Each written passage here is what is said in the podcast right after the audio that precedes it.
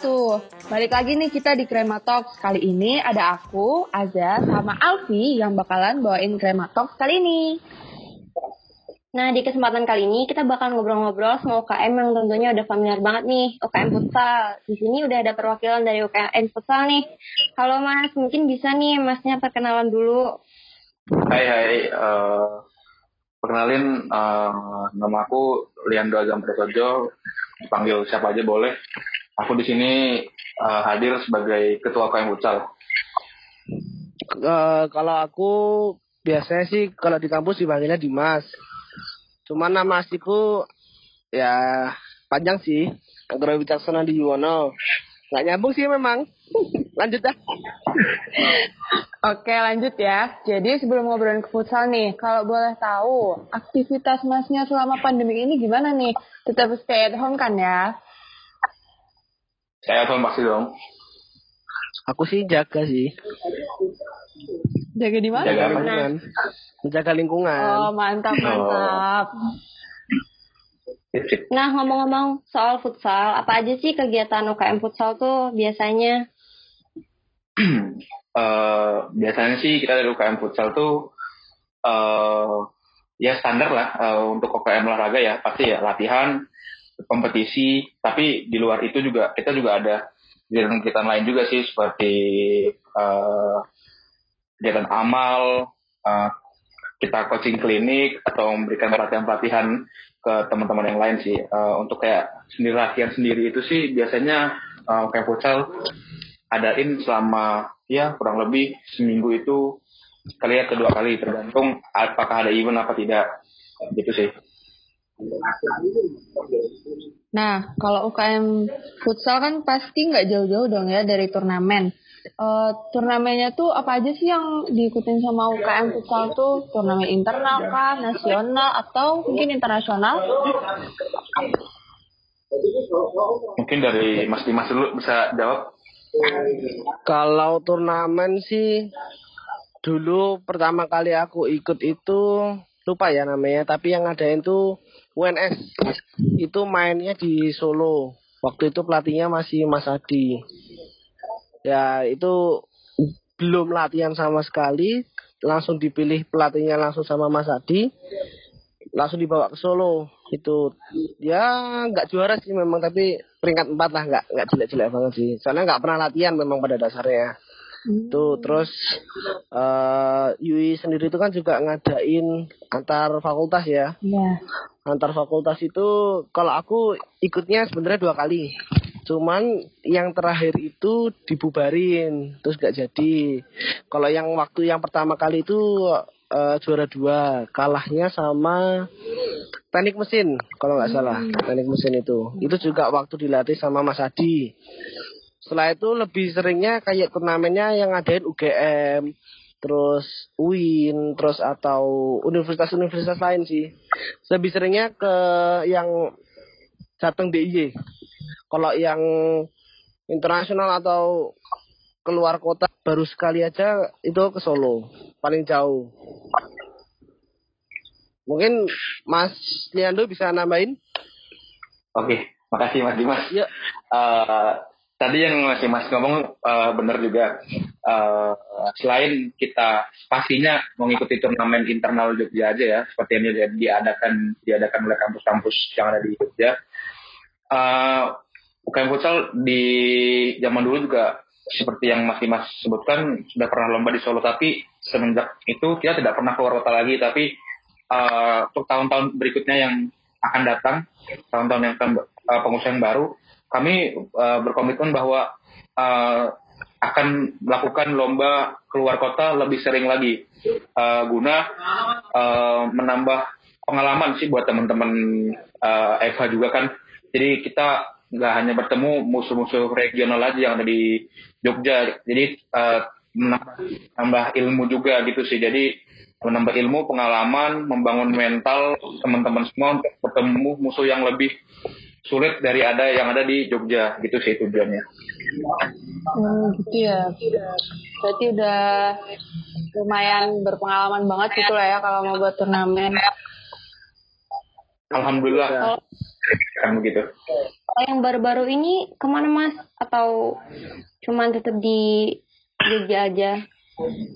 Yang terakhir kita ikuti, alhamdulillah kita bisa diberi kesempatan bisa mengikuti lomba di Purwokerto ya. Itu suatu kebanggaan bagi kita sendiri bisa keluar dari kota Jogja ini, maksudnya nggak lomba hanya di Jogja lah. Kita diberikan izin oleh kampus juga dan mendapat dan banyak dukungan dari kampus dari pihak-pihak terkait untuk mengikuti tapi sayangnya belum dikasih uh, gelar tapi tidak hasilnya yang tua tidak buruk kok uh, alhamdulillah sih juara empat untuk regional uh, itu jatuhnya nasional karena yang ikut nggak cuma dari Jawa nggak cuma dari Jogja Jateng itu tapi Jakarta juga ikut gitu sih Wah keren banget, keren parah. Ayo Alfi. Terus gimana tuh persiapan UKM futsal buat ngikutin turnamennya? Apa aja sih yang perlu buat disiapin? Terus kira-kira butuh berapa lama buat nyiapin itu semua? Oke, okay, uh, eh, kalau dari aku, aku akan bahas ke manajemennya nanti Mas Dimas yang bahas dari pemain dan pelatihannya. Jadi gini, kalau dari ke manajemennya sendiri, uh, kami di UKM Futsal punya uh, yang namanya manajer. Jadi uh, sebenarnya sih kalau cita-cita aku sendiri tuh pengen buat UKM futsal ini tidak hanya sekedar hanya UKM untuk kegiatan mahasiswa, tapi aku pengen juga buat UKM futsal seperti klub futsal. Jadi punya manajer sendiri, punya sebenarnya punya tim yang mempersiapkan untuk lomba, tim yang punya yang mempersiapkan tentang perlombaan dan segala macamnya. Tapi kan belum terwujud nanti pasti insya Allah akan diwujud oleh pengurusan-pengurusan berikutnya. Jadi yang dipersiapkan adalah uh, pertama yang jelas pihak manajer dari UKM Futsal akan menghubungi uh, penyelenggara ya untuk meminta persyaratan apa saja. Ya. Biasanya ya persyaratan uh, foto, uh, KTM, kalau nama siswa, terus uh, mata kuliah mata atau SKS yang diambil untuk mengetahui dia tuh uh, tahun berapa uh, masuk kuliah. Jadi itu kan sebagai satu-satu syarat ya. Habis itu setelah itu selesai uh, biasanya baru kita uh, melakukan uh, seleksi pemain ke teman-teman semua. Uh, habis ini dijelasin sama Mas Dimas. Oh, kalau teknisnya, uh, alhamdulillah selama kepengurusan dari awal saya masuk kuliah sampai sekarang ini ada peningkatan, jauh lebih, lebih banyak peningkatan. Yang awalnya dulu waktu zamannya Mas Adi itu paling pemain datang itu cuma 10, paling banyak 15 dan itu datangnya telat. Terus apalagi kita kan nggak punya lapangan futsal yang mendukung ya di kampus ya. Lapangannya tuh ya kalau buat futsal lecet-lecet lah. Anak-anaknya apalagi juga dibuat parkiran mobil juga. Uh, yang pertama yang selain dari lapangan futsal itu pelatih juga. Pelatihnya kita selalu memadai sih Mas Adi itu dia Porda Sleman selama dua tahun itu ngelatih futsal. Terus pernah juga Mas Ragil. Mas Ragil itu pelatih Porda Kota. Terus yang terakhir ini Mas Dalmaji. Nah yang terakhir ini yang menurut saya sangat memadai dari segi pelatih. Karena dia muda Bantul mantan pemain juga dan sekarang ngelatih Prapon DIY apalagi dia ngelatih FYUI kan pasti apa yang diterapkan di untuk DI aja pasti bawa ke Eva gitu. Nah dari segi pelatih, dari segi lapangan, mungkin tambahan lagi untuk bola dan sebagainya itu ya persiapannya juga sih penting. Cuman tapi paling penting hanya di lapangan sama pelatih sih kalau menurut aku. Sama semangat dari teman-teman yang ingin membuat Eva itu juara lah. Paling enggak orang-orang pada tahu oh ini tim futsal mana sih? Oh dari FIUI nah itu yang sebenarnya pengen dari dari awal pengen tak dapetin itu itu. Cuman ya semangatnya tuh susah untuk biar mereka pengen futsal tuh. Cukup? Aku nambahin ya, ya mungkin mungkin Mas Dimas kelupaan. Jangan lupa uh, yang terbaru ini uh, pelatih kita Mas Delmaji itu adalah pelatih Pro Futsal League yaitu liga tertinggi futsal Indonesia tapi dia menangani uh, tim cewek yaitu tim lokal Jogja yang bisa masuk tembus ke uh, Pro Futsal League yaitu Pansa Arimbi Bantul. Oh iya, iya. sekarang benar-benar uh, Eva tuh menurutku uh, sangat punya pelatih, mungkin salah satu pelatih terbaik yang ada di Jogja sekarang tuh dia karena diperhitungkan sekali karirnya dari yang membawa Porda Bantul yang di istilahnya direndahkan untuk menjadi juara, unggulan tiba-tiba menjadi juara, ditunjuk sebagai pelatih kepala untuk uh, Prapon, mengikuti Prapon walaupun gagal, tiba-tiba langsung ditunjuk oleh manajemen uh, Pansa Arimbi untuk menukangi tim futsal perempuan tim itu gitu sih itu yang menurutku uh, kita sebagai para pemain pengurus pun sangat kaget dan sangat bangga bahwa kita tuh ternyata punya pelatih yang sangat apa ya berkelas dan memiliki uh, ilmu yang sangat baik gitu loh itu sih dulu dari aku. Wah berarti dari segi persiapan memang uh, udah lumayan maksimal gitu kan ya kalau mau ada yeah. turnamen. Terus nih ngomongin pasti. soal persiapan ya, hmm. pasti ada kan kendala buat kumpulin semua persiapan itu. Kira-kira apa sih kendalanya? Terus bisa nggak sih itu kendala tuh biar nggak jadi kendala lagi? Uh, gini, kayak tadi lagi ya, uh, aku bagian manajemen, Mas Dimas bagian pemain. Jadi gini, uh, kalau kendala dari uh, pengurusan manajemennya yang selalu menjadi kendala adalah uh, kita sebagai pengurus itu masih mencari cara bagaimana uh, agar mahasiswa ini tuh bisa tepat waktu dalam mengumpulkan berkas. Karena uh, berkasnya yang paling penting sebenarnya. Uh, dari selain kamu bisa bermain skill tapi kamu juga harus bisa disiplin dalam mengumpulkan berkas-berkas itu karena itu kan membantu juga pengurus lain untuk uh, apa ya memasukkan berkas ke penyelenggara agar bisa mengikuti lomba.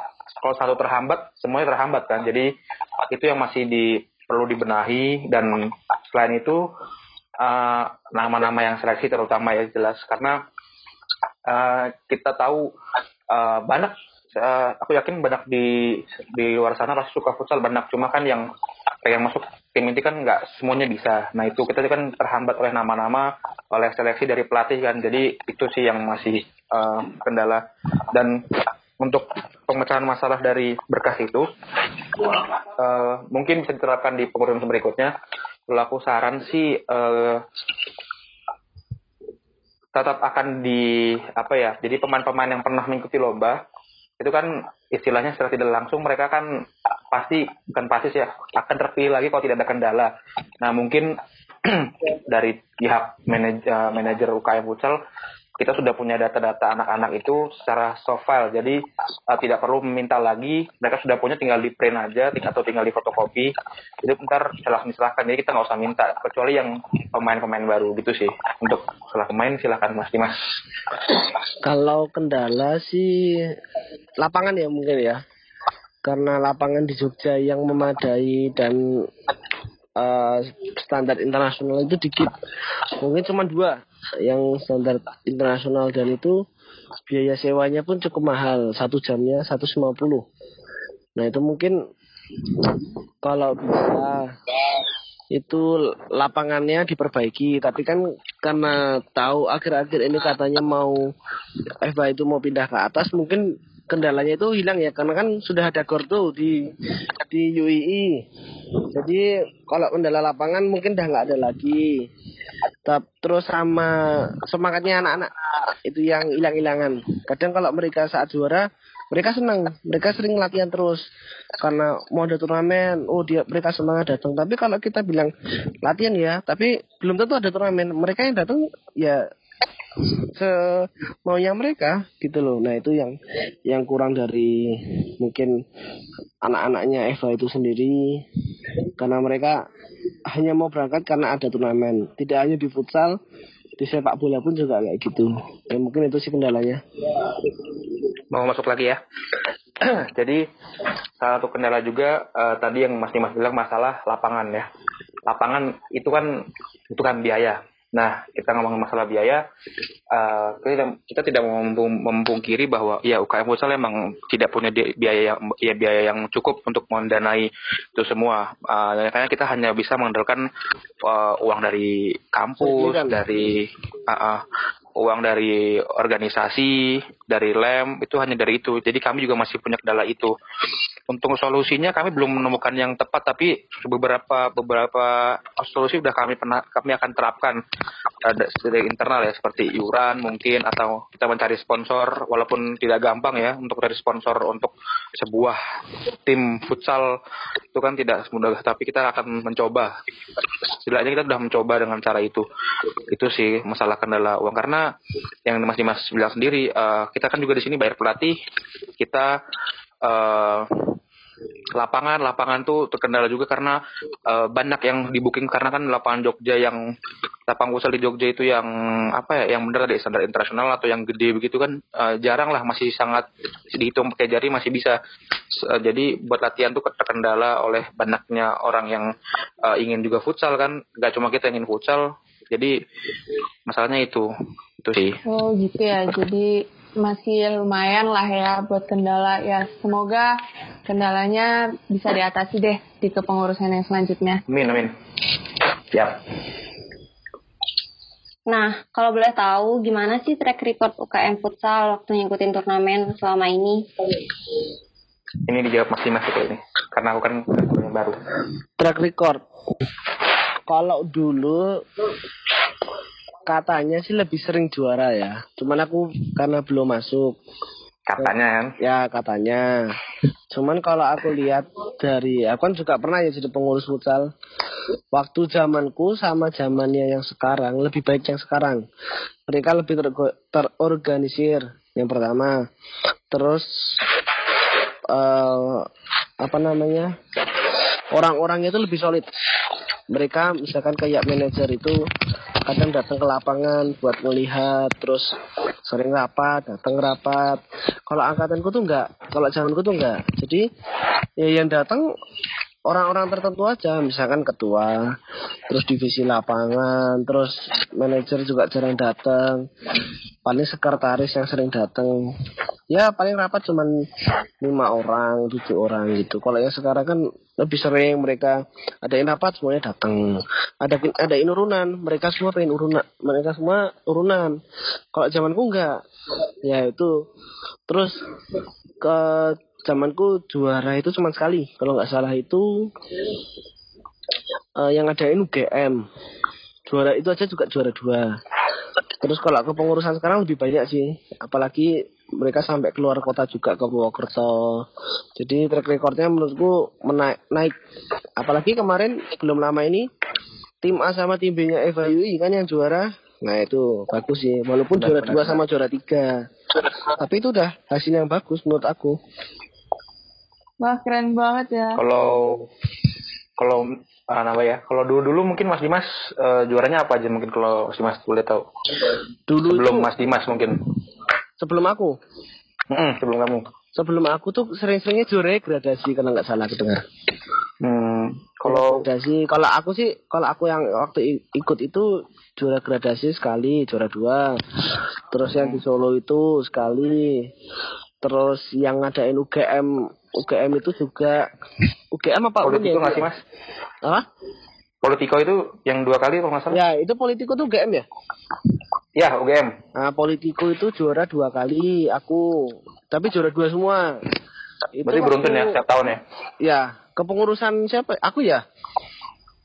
Apa kepengurusannya sebelum aku? Sebelum kamu sekali mungkin, terus pas kamu sekali. Oh ya, ha. Hmm. Nah itu sekali itu dua kali. Terus habis itu kemarin juara lagi yang ngadain mana uh, itu? UPN ya dari di Jakarta ya, itu eh di 4R ya? Ya di 4R. Nah itu. Iya. Baru empat kali. Uh, kalau aku nambahin uh, ya memang kelihatannya kita nggak banyak karena kita apa ya? Karena yang kita tahu sendiri bahwa olahraga olahraga uh, suatu olahraga itu tidak gampang ya. Kita bukan akademis yang bisa uh, diprediksi begini-gini segala macam.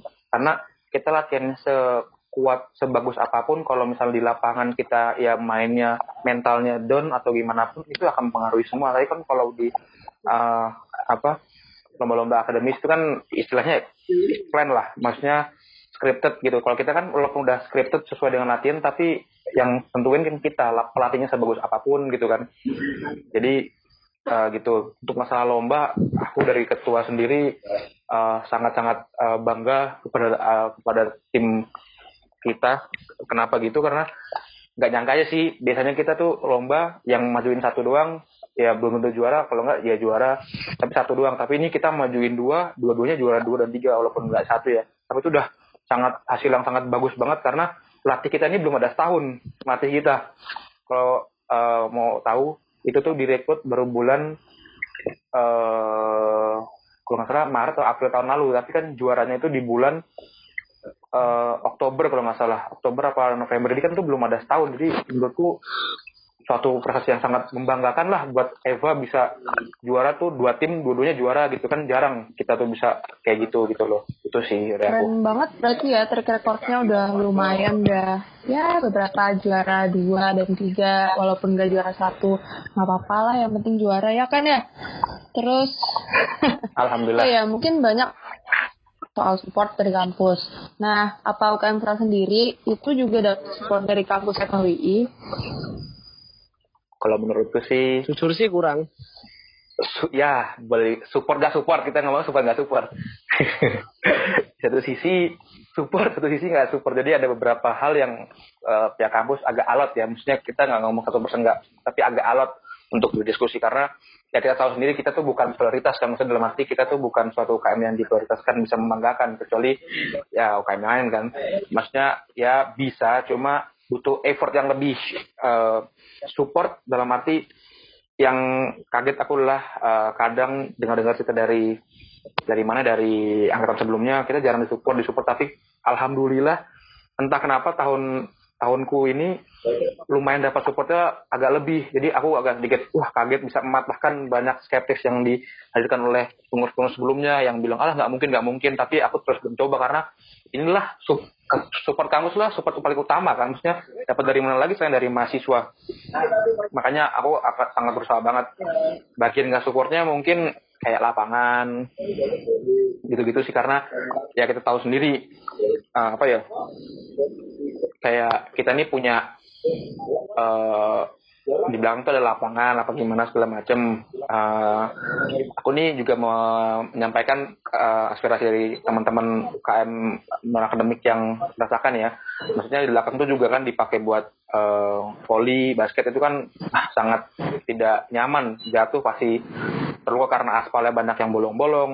Basket juga pasti begitu. Badminton nggak bisa make kan? Jadi susah apa lagi makanya itu maksudnya dalam arti mungkin kalau pihak kampus mendengar kami mohon sangat untuk uh, tidak hanya bantu UKM futsal saja tapi seluruh UKM non akademik terutama UKM olahraga untuk uh, di belakang diperbaiki. Walaupun tahun depan insya Allah kita juga pindah ke atas tapi menurutku uh, tidak efektif juga karena pemakaian gor itu yang setahu aku pemakaian kur itu hanya digunakan oleh UKM UKM universitas. Jadi uh, eh, UKM olahraga universitas jadi yang pusat. Jadi uh, kayak UKM Voli UI bukan UKM Voli FHUI tapi UKM Voli UI, UKM Futsal UI begitu. Jadi menurutku sama aja sih gitu ya. Gitu sih. Masuk ya. Uh, Sebenarnya itu gor itu kita dapat jatah mas. Oh ya. Ya dapat jatah, cuman kita harus ngurus dulu. Cuman karena kampus kita di bawah yang terlalu jauh kan untuk mengurusnya aja kan males ya. Memakan waktu. Ya, ya memakan waktu. waktu. Lebih mikir yang ah yang dekat-dekat aja daerahnya. Simple. Tapi kalau mungkin kalau kita ke atas untuk pengurus yang baru mungkin bisa diurusin untuk jatahnya itu seminggu sekali. Paling enggak kita dapat jatah kor. Kalau misalnya mau seminggu dua kali di luar bisa nyewa lapangan futsal. Itu. Benar-benar karena menurutku lapangan UK, eh, lapangan UI itu adalah lapangan internasional. Karena apa? Dipakai timnas Indonesia. Dipakai lima terus-terusan kalau di kalau regional Jogja ya. Yeah. pasti di situ makanya maksudnya itu apa ya? Itu kalau menurutku membangun uh, atmosfer teman-teman eh, apa teman-teman mahasiswa Eva yang anak futsal itu tuh kayak wah ini gue lagi main di uh, lapangan internasional nih lapangan ini pakai banyak orang nih di sini. Harusnya kan bisa membangun itu. Jadi menambah motivasi teman-teman buat latihan lagi buat semangat latihan buat uh, mainnya diperbaikin lebih fokus latihan. Gitu sih menurutku itu salah satu gunanya gor kita tuh gitu. Itu sih. Oke lanjut nih. Nah, di keadaan akibat COVID-19 kayak gini, apa sih kegiatan yang dilakuin sama UKM Futsal? Terus uh, kenda uh, ada kendala yang berarti nggak? Karena kan kita dihimbau buat selalu jaga jarak kan ya sama pemerintah. Benar-benar. Kalau dari aku sendiri sih, jujur uh, sangat banyak menghambat ya. Pertama, kita nih UKM olahraga, otomatis harus ngelakuin semuanya, apalagi olahraga yang bergu, bukan sendiri kayak kayak apa ya? Kayak badminton kan sendiri atau berdua itu kan maksudnya masih individu gitu ya. Tapi kan kalau futsal kan wajib berempat ber, eh, berlima kalau nggak setim. Setim itu ada 12 sampai 15 itu kan wajib lagi latihan latihan tuh bisa lebih dari 15 mungkin 20 30 orang. Itu sangat mengganggu kita dalam beraktivitas misalnya melakukan program kerja kita ya yaitu ya uh, mengikuti lomba latihan rutin itu sangat mengganggu banget. Karena uh, ekspektasiku di tahun 2020 nih UKM futsal udah mungkin keluar kota udah dua lebih dua kali. Kita bisa mungkin juaranya ditambah lagi tahun ini karena melihat hasil yang pengurusanku tuh mungkin udah bisa udah jadilah uh, pondasi bawah, bawah itu tinggal udah jadi tinggal naikin ke atas saja gitu loh. Maksudnya udah udah siap banget nih 2020 kita udah siap menatap musim baru tapi ada pandemi ini kita down lagi menurutku karena ya udah chemistry-nya mungkin bisa hilang lagi kurang kekompakan gitu. Untuk kegiatannya sendiri sih ya tidak ada ya. Bisa dibilang tidak ada. Karena ya mungkin uh, sama dengan UKM-UKM olahraga lainnya ya kita tuh di outdoor dan harus bersama-sama nggak bisa jaga jarak. Gimana ceritanya? Kalau kita futsal jaga jarak bola aja deh yang baru terbaru ini aja akhirnya baru mulai lagi di luar negeri karena uh, pemerintahnya berhasil menekan angka uh, penyebaran. Jadi mereka bisa melakukan tapi tanpa penonton juga. Dengan peraturan yang sangat ketat seperti baju harus diganti setelah babak kedua, uh, tidak boleh dilarang meludah lah, uh, tidak boleh bersalaman. Jadi banyak peraturan gitu loh. Maksudnya ya tidak nyaman lah, tidak sebebas dulu. Ya ada penonton juga tidak kurang atmosfernya, kurang dukungan dari penonton-penonton. Jadi gitu mengakibatkan. Tapi uh, aku sebagai ketua UKM sendiri uh, berusaha masih berusaha sih mencari celah apa yang bisa dilakukan UKM futsal. Uh, di tengah pandemi ini salah satunya mungkin ada rencana sih uh, kita minta dari uh, pelatih kita Mas Manji mungkin mengasih tips and trick jaga kebugaran selama pandemi ini kebugaran, sentuhan, terutama sentuhan sih menurutku. Kalau kebugaran mungkin teman-teman udah bisa bisa, tapi kalau sentuhan mungkin banyak yang tidak bisa kan. Jadi mungkin kita akan uh, minta pelatih kita untuk memberikan mungkin ilmunya, video ilmu tentang bagaimana sih menjaga tetap sentuhan uh, jika tidak latihan secara bersama, tapi secara mandiri di rumah gitu sih. Mungkin Mas Dimas sudah tambah? Udah dijawab semua nih. Oh, udah jawab. Iya. Gak apa-apa. Oh, berarti COVID COVID-19 ini cukup berdampak banget ya khususnya buat non Sangat. apa UKM non akademik ya, UKM siswa ini dan UKM olahraga yang lain UKM olahraga yang lain. Yap, benar. Oh iya, balik lagi ke turnamen yang tadi. Gimana sih cara kalian hmm. buat bagi waktu gitu, buat fokus ke turnamen tapi juga nggak ketinggalan kuliah? Gimana tuh? Kalau dari aku sendiri, uh, aku kebetulan juga pengurus juga pemain uh, untuk bagi itu uh, kita kan kebetulan kebetulan latihannya selalu malam hari. Kalau belajarnya gimana ya? Itu maksudnya kembali karena ini kan olahraga beregu jadi uh, ya apa ya kita kalau udah di lapangan atau segala macam ya fokusnya di lapangan aja. Jadi kalau setelah apa setelah di luar kan itu udah pribadi. Maksudnya gimana ya?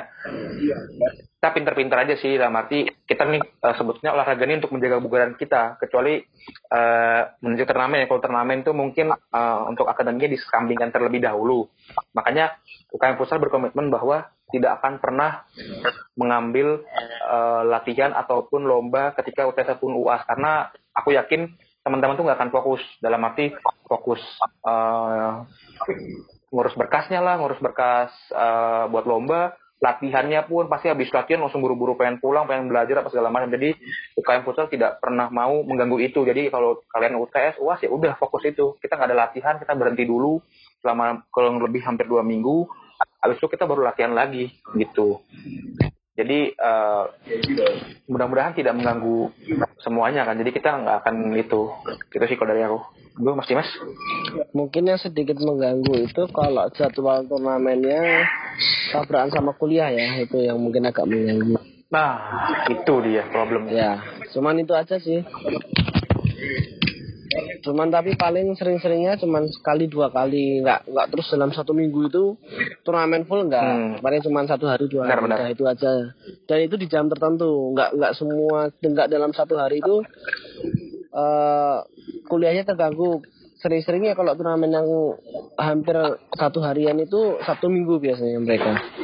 Jadi nggak nggak mengganggu kuliah biasanya kita juga nyiasatinya sih gini uh, karena kita juga kita tuh ngerti misalnya kita ini mengikuti uh, lomba pas kuliah nih harinya.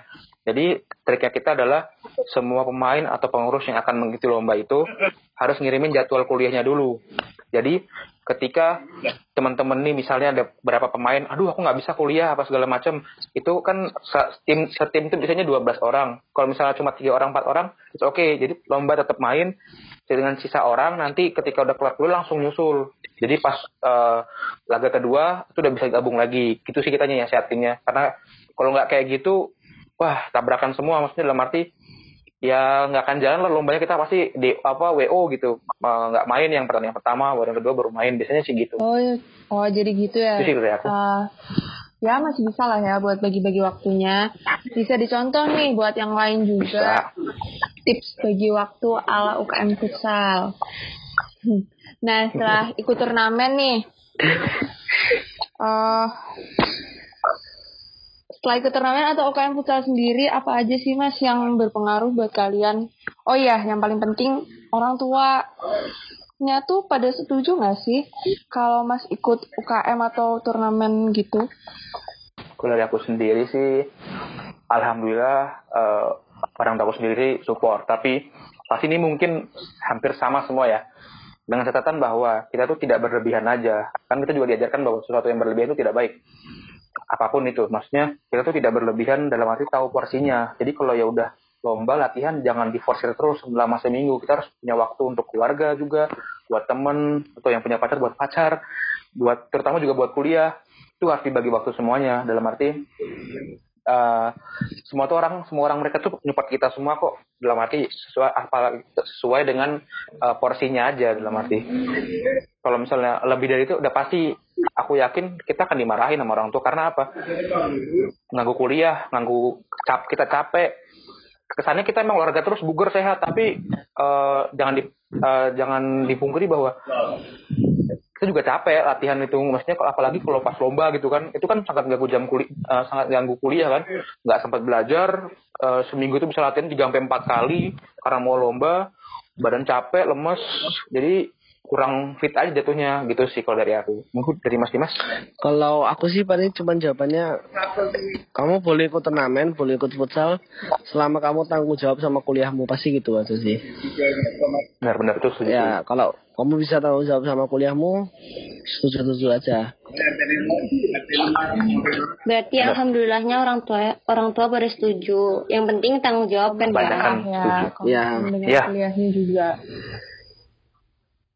Iya. Oh, catatan juga support tuh nggak cuma uh, ini loh, nggak cuma dukungan loh, menurutku ya. Mm -hmm. Orang tuamu kayak nggak dukung, tapi orang tuamu apa ya kayak membelikan barang-barang untuk futsal itu kan salah satu bentuk support kan? Iya benar. Kayak sepatumu atau membelikan kamu jersey, pokoknya alat-alat futsal, bola, apa pun itu kan satu bentuk support. Kalau mereka nggak pernah datang, nggak pernah melihat kalian lomba dan juara, tapi saat itulah support yang harusnya kita sadari gitu loh sebagai mahasiswa itu sih. Benar-benar. Oh iya nggak kerasa nih kita udah ngobrol panjang lebar. Makasih. Makasih banget buat Mas Dimas sama Mas Triando yang udah mau ngobrol bareng. Yo yo yo sama-sama. Boleh boleh. Boleh nambah nggak dikit? Apa? Iya boleh. Boleh nambah dikit nggak? Uh, jadi buat teman-teman semua yang dengerin ini podcast ini terutama angkatan 18, 19 mungkin 20 atau mungkin terangkatan 20 ya. Uh, jadi di tengah pandemi ini sebenarnya uh, sebelum pandemi ini UKM futsal angkatan Kusmen itu udah uh, pergantian pengurusan dengan ketua yang baru dan ketuanya udah ada. Uh, dan sekarang terhambat pengurusan pergantian ini, jadi uh, semuanya mundur jauh. Jadi uh, kita juga uh, terhambat untuk mencari anggota. Nah, oleh karena itu aku juga menyebarkan uh, informasi ini dari podcast ini ya. Nanti abis ini aku sebarin di sosial medianya UKM Futsal juga. Uh, bahwa UKM Futsal sekarang ini lagi open recruitment nih. Uh, jadi buat teman-teman angkatan 18, 19 atau maupun yang dengar 20 yang mau gabung tinggal kontak aja atau DM ke uh, Instagramnya UKM Futsal atau mungkin teman-teman ada yang kenal dengan pengurus lama kabar aja mereka langsung kabarin nanti akan kita kasih tahu cara pendaftarannya. Dan ini disclaimer nggak cuma laki-laki loh. Cewek juga boleh silakan. Dan jangan selalu stereotip bahwa Ya, guys. futsal lu cowok. Enggak Bener cowok cewek banget, tuh guys. cowok cewek tuh bisa lah semuanya lah. Maksudnya pengurus juga nggak cuma laki kok yang ngurus futsal. Maksudnya ya udah cewek aja. Bisa. Dan pengurusan gue tuh ceweknya lumayan banyak kok alhamdulillah walaupun pasti dominan cowok. Tapi banyak untuk seukuran UKM yang dilakukan oleh kebanyakan oleh kaum laki-laki. Dan mereka ada 8 solid. orang sudah nah dan solid. Dan jangan kira kita tuh terpisah oleh kayak lu cowok kita cewek. Enggak. Maksudnya kita tuh keluarga gitu loh. Maksudnya bisa lah eh, nyatu gitu loh pemikirannya. Jadi buat teman-teman cowok atau cewek yang mendaftar, monggo kabarin UKM Futsal aja di DM atau kabarin teman-teman kalian yang mungkin kenal sama UKM apa eh, pengurus UKM Futsal lama, kabarin mereka aja nanti kita kasih tahu cara pendaftarannya. Mantap Gitu. banget. Makasih ya. Semoga UKM Futsal ke depannya bisa meraih prestasi yang lebih dan bisa membanggakan kampus FHWI. Amin, amin, amin, amin, amin, amin, Jangan amin. lupa ya teman-teman Amin, amin, amin. untuk follow Instagramnya UKM Futsal juga @futsal FHWI. Oke. Yup, yup, jangan lupa. Jangan lupa juga pantengin IG sama Twitternya LMFA UII dan jangan lupa stay tune terus buat dengerin potlau See you. See you.